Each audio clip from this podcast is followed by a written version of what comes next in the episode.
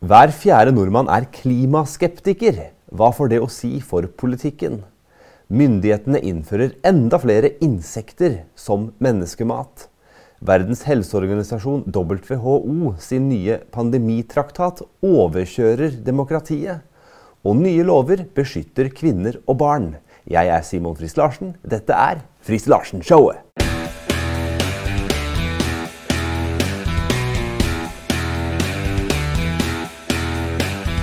Faktisk.no, de toneangivende mediers egen faktasjekkboble, har nå undersøkt hva nordmenn mener om klimaendringer. Og da selvfølgelig så velger man da å trekke fram de som mener at klimaendringer ikke er menneskeskapte, og gir dem da betegnelsen klimaskeptikere. Ja, For de er, de er skeptiske til klima, vet du. Klima, oi! Er det noe som heter det? Klima? Hva? Nei, jeg tror virkelig ikke på det. Nei Man putter en sånn merkelapp på folk som mener det at klimaendringer skyldes noe annet enn det som da veldig mange tydeligvis tror nå, da. At dette har med menneskeskapte ting å gjøre. At det er vi som forårsaker at det er store klimaendringer. Ja, for det står her da, på NRK, faktisk.no, hver fjerde nordmann er klimaskeptiker. Én av fire i Norge eh, mener da at eh, den globale oppvarmingen først og fremst er naturlig. Og blant Frp-velgere tror bare hver tredje at vi mennesker er hovedansvarlige. Det som gjør at jeg er en klimafornekter, det er at vi ser folk som kaller seg for uh, elite, eller de er elite. Reise til Davos, reise til ulike steder i verden, til sånne toppledersamlinger.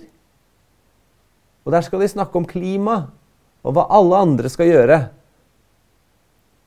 når de selv da er i land som da pumper opp disse her gassene som angivelig er så farlige, og skal fortelle absolutt alle andre hvordan de skal leve. Mens de selv skal kose seg med fiffen. Det er de tingene der som gjør at jeg ikke tror på det, fordi de tror ikke på det selv. De tror ikke at havet skal stige. Ellers hadde de ikke kjøpt seg digre palass ved strandkanten. Det er så gjennomskuelig at det, det utnyttes til politisk kontroll. Folk begynner å frykte, og ikke minst at man skal innprente dette her hos barn. Så de deres sinn skal begynne å frykte for at oi, ja, vi må være forsiktige med klima, for ellers så vil verden gå under. Og så får man frykt. Og så får man sånn skam og sånn for at man Nei, vi, oi, nå uh, slapp jeg visst ut noe, noe gass her. Nei, det var farlig, det. Oi. Nei, det skulle jeg ikke gjort. Vi skal ha ren luft rent vann. Og så skal vi ha tiltak mot forsøpling, plast i havet, sånne ting. Det vi kan gjøre noe med, det som har med miljø å gjøre. Og når det gjelder da såkalt klima og dette herre At det skal være sånne store klimaendringer ja, Det svinger. Det er varmere i dag enn for litt siden. Men går man enda lenger tilbake, var det varmere før enn det er nå. Så det vil svinge, det der. Island. Oi, er det så mye is der, da? Jo, det er da noe, men det er da vulkaner og Grønland. Ja, det er jo ikke så veldig grønt der, da. Men det har jo vært det en gang, da. Det er derfor det heter Grønland. Selv om det er is der nå. Så det er forandringer. Men har dette noe å si for politikken? Tydeligvis ikke. For man har jo overlatt politikken til de som ønsker å styre dette her på nettopp denne måten her. Innføre avgifter, ha kontroll på folk og hvordan de tenker. Og ikke skal man kunne fyre med vedovn snart, kanskje. Og snakk om man skal kunne ha gassovner og sånn. Og Nei, nå må vi bare kjøre elbiler, selv om vi veit at elbilproduksjonen den er farlig og forurensende. Har elbil sjøl. Syns det er bra å kjøre elbil, det har ikke noe med det å gjøre. Men det er ikke klimavennlig totalt sett. Så her handler det om hva man egentlig tror. Ja, men det er jo vitenskap. Ja, men vitenskapen også påvirkes av da, de forutinntatte, eller hva skal man si, de meningene man har man kommer med til forskningen. Noen grunnleggende antagelser man har i det man gjør forskningen. Som selvfølgelig har noe å si for utfallet av hva forskningsresultatet blir. Så Hvis man tror allerede på forhånd at ja, menneskeskapte klimaendringer det er årsaken, ja, da vil man også la produsere forskning som vil vise nettopp de tingene der. Så det er liksom ikke noe sånn objektivt sett fasit her. Men det vi kan se, det er at såkalte eliter reiser rundt. Har sine toppledersamlinger. Bor ved, i palasset ved strandkanten. Forteller absolutt alle hva de skal gjøre. Bor i land som forurenser mer enn noen andre. Men så skal det gå utover deg og meg. Det er vi som skal betale for det. Det er vi som skal kjenne på det. Skal det ha noe å si på politikken, så må jo de 25% her, som faktisk mener at klimaendringer da ikke er menneskeskapte, gjøre seg gjeldende. Og Da nytter det ikke å være sånn én her og én der. og Hvis 25% gikk inn for å stemme på et parti som faktisk mener at klimaendringene må vi se annerledes på. Da kan man få en forandring, da. Det er faktisk fullt mulig. Man trenger ikke være en og annen her. I, Frp, En tredjedel av Frp. Hva så? De er helt med på det. Det hjelper ikke da å være en tredjedel som ikke sant? Skal man drive sånne interngreier?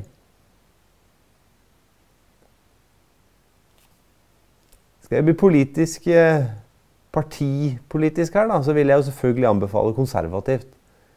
Så får du da politikere som sier disse tingene her i kommunestyrene, i fylkestingene. Og da kan det begynne å skje en forandring. Når man da er inne på dette her med klima, så er det jo sånn at eh, en av tiltakene som gjerne gjøres, da er at man skal forsøke å endre på folks matvaner. Ja, for kjøtt, vet du, og det vi er, vant til å spise, nei, det, det skal man ikke. Det er klimafarlig, det. Man må ha klimavennlige alternativer. Og hva er det man finner på, da? Insekter. Og det er tatt opp flere ganger her på Fisk Larsen-showet. Men nå, da, igjen, så vil myndighetene innføre insekter. Enda flere typer. For her, da, på regjeringens hjemmeside her, da Ny mat, godkjenning av fryste, tørkede og pulverformer av larver av alfitobius diaperinus. Liten melbille. mm, melbiller. Mm. Ser det for deg, gjør du ikke det? Ja, ja, ja, vi ser det jo ikke for oss, da, for det er pulver. Det er melbiller for det, men det er pulver, vel?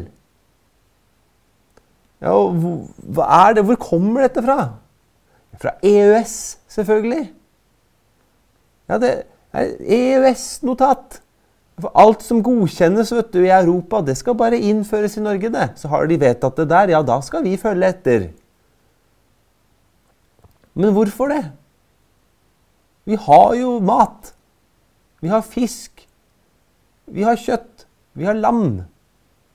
grønnsaker, poteter. Er det virkelig sånn at vi styres egentlig av andre enn oss selv? Det er jo faktisk det det er. Det hjelper jo ingenting da å stemme på Høyre, som bare tar oss rett inn og videre inn i dette her. Ja, de vil ha fullt medlemskap i EU, og ja, vi skal bare spise insekter. Mm. Eller skal vi det? Å spise insekter det, det, det, er så dehumaniserende. Du synker ned på nivå med det som dyrene spiser. Altså, liten melbille. Vi har det i Norge fra før. Det har vært i Norge siden 50-tallet. De spiser isopor og isolasjon. Har du så lyst på det, så kan du gå og hente det sjøl. Kverne det opp og spise det. Altså, jeg tror det at hvis det var meningen at vi skulle spise insekter, så hadde vi vel oppdaga det for lenge siden. Vi trenger ikke å vente til 2023 med å finne ut det at oi, vi mennesker vi skal begynne å spise insekter, vi nå. Vi må ikke gå med på det. Det, er med på, etter min mening, å skape en kontroll over folk. For du kontrollerer hva folk spiser, Folk har ikke råd til å kjøpe kjøtt og fisk og egg og dette her, så de blir nødt for å synke lavere ned og spise stadig eklere ting. Og da har myndighetene kontroll. Ja, nå skal du få din rasjon med insekter, vær så god. Ja, Hvis ikke så ødelegger vi klima. Og ødelegger vi klima, så er du Hvis du ikke er med på å, å, å, å forebygge klimaendringer, da er du en egoist. Så vær så god, spis insektene dine, du. Ja. Og forresten, jeg reiser til Davos jeg, med privatfly og skal være der noen uker, noen dager og snakke om uh, de virkelig store sakene i verden. Om klimaendringer og sånn. Og så skal vi komme tilbake og introdusere enda flere fine insekter til deg som du kan spise. Skal vi få slutt på det der? så må vi velge nye politikere. Det nytter ikke å stemme det samme om igjen. Arbeiderpartiet, Høyre, Arbeiderpartiet, Høyre, andre Nytter ikke. Man må velge nye partier. Og ikke det der Industri- og Næringspartiet, det, for de skjønner ikke hva kulturkamp handler om. Og verdikamp. For alt vi vet, er de sikkert med på sånne ting som dette her òg. Så, så det er jo ikke noe nytt, det. Så tenk deg godt om nå når du skal stemme i 2023. Hvis du vil ha forandring, hvis du vil bort fra dette her Ja, da vet du hva du må gjøre. Verdens helseorganisasjon, WHO, er i ferd med å ferdigstille en ny pandemitraktat. Og den kommer til å ødelegge demokratiet. Og dette må vi kunne snakke om. Våre folkevalgte politikere på Stortinget er enten uvitende, naive eller helt med på dette her. Og det er en gjesteskribent i eh, Subjekt fra foreningen Lov og helse som her skriver i disse tider jobbes det i Verdens helseorganisasjon for å ferdigstille en pandemitraktat. Det forbauser oss litt at det ikke er debatt overhodet om dette i Norge. Norge har allerede gitt sitt tilsagn til denne traktaten, men veldig få i Norge er klar over det. Essensen i det hele er at WHO får makt over enkeltnasjonene, og det ligger an til ytterligere sensur av informasjonsflyten i samfunnet ved en eventuell ny pandemi.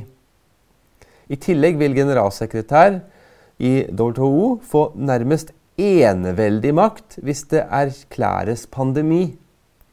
En makt vi allerede har fått se utspille seg da han på egen hånd erklærte apekopper for allmennfarlig smittsom sykdom våren 2022 i det, imot den rådgivende komiteens avstemning. Også en hendelse vi har kommentert tidligere, sier, han, sier hun da. Her er det altså snakk om å gi WHO eneveldig makt over såkalt pandemihåndtering. Og til og med da en generalsekretær som mot da komiteens rådgivende avstemning gikk ut og erklærte en annen sykdom for allmennfarlig smittsom. Så man gir altså nærmest én person her altså makten til å bestemme over hele verden. Snakk om demokrati, ja?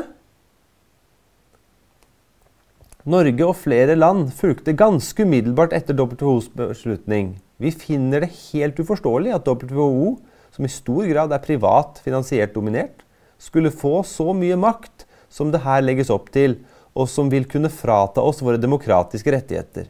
For å unngå overføring av våre rettigheter til WHO og bevare demokrati og menneskerettighetene, ber vi om at folket opplyses om hva som foregår. WHO er en ikke-folkevalgt organisasjon.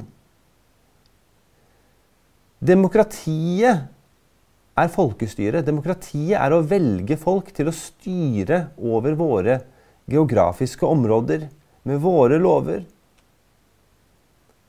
Men her er det altså en suverenitetsavståelse i form av en pandemitraktat til Verdens helseorganisasjon, som er en ikke-folkevalgt organisasjon. Det er skremmende. Og hvorfor er det ikke debatt om dette her? Det er sikkert fordi at det er ingen som vil ha debatt om dette her. Fordi at det er ønske om å drive dette her fram. Hvorfor skulle det være ønske om å drive det for? For å få mer makt og kontroll? Og forhindre motstand? Det er fullstendig udemokratisk. Okay, skal vi lese litt videre. Åpen debatt. I utkastet med de siste forslagene, som det skal stemmes over i WHOs helseforsamling i mai, foreslås det at regelverket gjøres bindende for medlemslandene samt at menneskerettighetene kan tilsidesettes under påskudd av å redde helse. Vi ønsker ikke at det skal tilfalle enda mer makt og innflytelse til WHO hvis faglige kompetanse f.eks. åpenbarte seg mars 2020, da de presterte å hevde at dødeligheten av koronaviruset var på 3,4 det var jo ikke 3,4 vet du. Det var 0,02% eller noe sånt nå. Men de opererte da med falske tall og kalte dette pandemi. Og fikk da innført at eh, land etter land begynte å følge sånne anbefalinger og, lagde tiltak og restriksjoner osv. Og, så og nå altså så er infrastrukturen lagt til at så fort WHO sier noe, pandemi, et, et eller annet sånt noe, så stenges hele verden ned, eller at man har systemer på plass som bare fullstendig kontrollerer mennesker i form av koronasertifikat eller et eller annet, og du skal adlyde det myndighetene sier. Det er ikke demokrati. Dette er ikke-faglige estimat svært essensiell i grunnlaget for hele Vesten kunne gjennomføre de omfattende nedstengningene som fulgte. Uansett om man skulle være enig eller uenig i vårt standpunkt om WHO og dets legale verktøy, bør en slik viktig sak debatteres og omtales åpent. Hvorfor skriver ikke norsk presse om det, denne kommende pandemitraktaten? Det er fordi at de er enige med makta. Og makta vil ikke ha debatt. Så Derfor så må man heller si det sånn at vi er uenige. Og dette går vi imot. Ikke noe sånn kompromiss enten du er enig eller ikke. For de som er enig med makta, de vil ikke ha noe med de som er uenige å gjøre. Det, vi, det var jo det, nettopp det koronahåndteringen viste oss. At de som tenkte sjøl, de skulle stigmatiseres. De skulle trakasseres, de skulle mobbes, de skulle føle at de har skylda. Mens vi har sett i ettertid At det er selvfølgelig de som tenkte sjøl, som hadde helt rett, og alle andre har blitt lurt. Og da må vi ikke gi de samme politikerne makt nå igjen. Som igjen skal gi suverenitetsavståelse til WHO. Det er derfor vi nå i 2023 har muligheten, har anledningen, til å støtte og stemme på partier som vil bygge frie og sterke lokalsamfunn. Som slår oppover. Som sier nei til dette her. Som vil ha oss ut av disse herre overnasjonale organene. Så da vet du hva du har å gjøre. Nye lover som beskytter kvinner og barn, er vedtatt. Og jeg skulle gjerne ønske at disse lovene og denne nyheten var fra Norge, men det er det ikke. Og jeg får av og til noen spørsmål fra seere. Ja, Simon, vi syns du sier litt mye om det som skjer i USA. Kan du ikke si litt mer om det som skjer i Norge? Og jo da, jeg, jeg skulle gjerne ønsket det. Men det er i USA det skjer på akkurat dette området. Og i Norge så henger vi jo fortsatt litt etter. Men dette er veldig oppmuntrende å se. Her står det fra Dagsavisen. En rekke lover rettet mot transpersoner vedtatt i Missouri eh, Vent litt. Rettet mot transpersoner? Altså, dette er en veldig tendensiøs overskrift. Og jeg blir trist av å lese det. Som om intensjonen til de som har utforma disse lovene, er liksom mot mennesker. Det er jo ikke det. Det er folk som har sine følelser og sine behov. og behov for å bli sett, behov for å bli anerkjent. Og det er det jo en, en ting. Men det dette er snakk om, er jo da hvorvidt man skal beskytte andre grupper. For her blir det flere behov som veies opp mot hverandre. Her står det Delstatsforsamlingen i Missouri har vedtatt flere forslag som strammer inn på muligheter og friheter for transpersoner. Stramme muligheter og friheter? Det er vel muligheter og friheter for alle. Men la oss nå se hva dette her handler om, da. Står, det nyeste forslaget som ble vedtatt, innebærer at transjenter og -kvinner ikke får delta i kvinneidrett. Stopp der litt. Først jeg ser her transjenter. Det innebærer jo at dette er barn. Og, og, da er det snakk om såkalt transbarn, da. Men det finnes jo ikke. Det er jo enten gutt eller jente. Det må vi jo våge å si. Så her, her innfører man jo et, et, et, et slags kategori. Og så Og kvinner ikke får delta. Altså transkvinner ikke får delta Ikke kvinner. Men det er, jo ikke, det er jo ikke snakk om at personer kan oppleve noe, føle seg slik og sånn, eller at de ønsker å omforme seg for å ligne på et annet kjønn enn, en de er. Her er det snakk om at de ikke skal delta i idrettsklassen for kvinner. For, for det er jo menn som da kommer inn i kvinneklassen. Og det er det loven vil forhindre. Den vil holde kvinneidretten for kvinner. Og ikke at man skal da ha menn som kommer inn i kvinneidretten. Og gjelder på alle nivåer, fra barnehage til universitet. På både offentlige og private skoler. Og det er jo kjempebra. Det er jo akkurat det det må gjelde. Det må jo gjelde universalt. Så det er applaus, altså. Kjempebra. Fra før hadde man vedtatt forslag som begrenser tilgangen til medisiner, hormoner og medisinske inngrep for transkjønnede mindreårige. Nei, man har begrenset tilgangen til medisiner, hormoner og medisinske inngrep for barn. For å forhindre at barn blir skada barn som kanskje lider av det ene og det andre, og kjønnsinkongruens kan være en av de tingene, og, og, og som trenger hjelp. Men så er spørsmålet hvilken type hjelp de skal få. Og bare bekrefte som at ja, du som er en, en, en gutt, ja, du er egentlig en jente. Og så, og så kalle personen for en transjente. Det er jo ikke det som kanskje vil hjelpe. Å sette da barna på en, et, et, en vei da, mot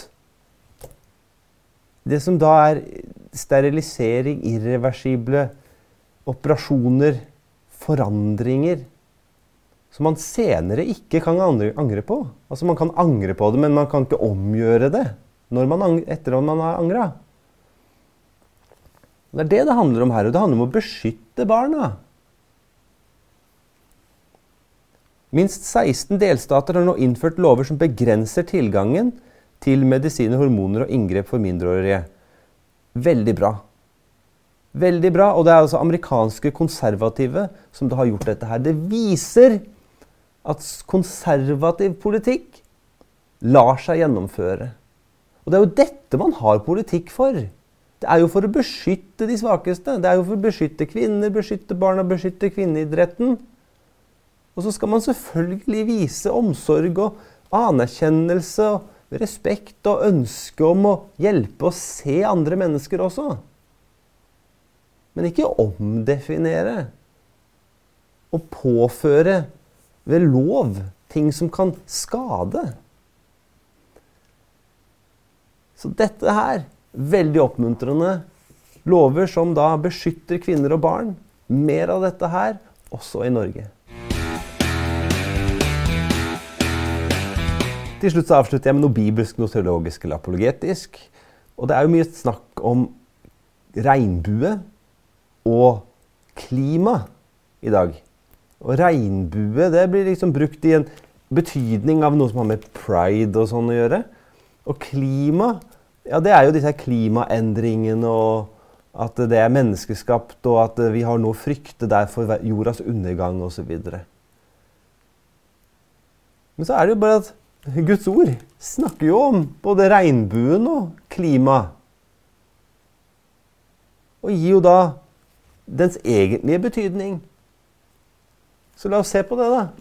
Her er jo da fra første Mosebok, kapittel 8 og kapittel 9. Og det er faktisk samme sammenheng som disse to tingene nevnes. Så det er jo veldig interessant at vi i dag snakker om regnbue og klima. Og det blei også snakka om samtidig på Noas tid. Og hvis vi begynner i første Mosebok kapittel 9, så ser vi fra vers 13 Det er Gud som sier, 'Jeg setter regnbuen min i skyen, og den skal være et tegn på pakten mellom meg og jorden.' Og det skal skje når jeg samler skyer over jorden, skal regnbuen komme til syne i skyene. Da skal jeg minnes min pakt som jeg oppretter mellom meg og dere, og hver levende sjel i alt skjød. Vannet skal aldri mer bli til en flom som utsletter alt kjød. Regnbuen skal være i skyen, og jeg skal se på den for å minnes den evige pakten mellom Gud og hver levende sjel i alt kjød som er på jorden. Gud sa til Noah, dette er tegnet på pakten jeg har opprettet mellom meg og alt kjød på jorden. Så regnbuen er altså til minne om at Gud ikke kommer til å utrydde jorden ved en vannflom. Det blir ikke enorme klimaendringer som kommer og skal utslette jorda. Og regnbuen er et symbol på nettopp det. Så når vi ser regnbuen, så kan vi si takk, Gud. Du skal ikke utslette oss. Det er ikke klimaendringer som skal komme og utslette oss. Og Hvis vi går da til kapittelet foran, kapittel 8, så står det jo der, da, med tanke på klima, da, står det da at så lenge jorden består, skal såtid og høsttid, kulde og varme, vinter og sommer og dag og natt aldri opphøre. Så jorden kommer til å bestå, den, helt til Gud har bestemt at han kommer til å dømme levende og døde og da om skape, gjøre den nye himmel og nye jord. Det er ikke snakk om at det skal bli noen store klimaendringer som skal gjøre endringer på jorden. Nei, det, jorden består, den. Såtid, høsttid, kulde, varme, vinter, sommer, dag og natt. Og Det er derfor jeg kan vite det, at det er ikke menneskeskapte klimaendringer sådanne som skal utslette jorden. Vi har ikke noe å frykte der. Det har vi Guds ord på. Og regnbuen, det er tegnet det, på at det er nettopp det som ikke vil skje. Det vil ikke bli klimaendringer og vannflom og utslettelse igjen. Så regnbuen er et tegn på Guds løfte til oss. Etter syndefloden. Det er ikke et tegn på oss å kunne utleve synden, slik gjerne regnbuen misbrukes til i dag. Det er et løfte på at Gud ikke skal utslette jorden igjen. Og det vil ikke være klimaendringer som ødelegger jorden. Jeg er Simon Friis Larsen. Dette er Friis Larsen-showet.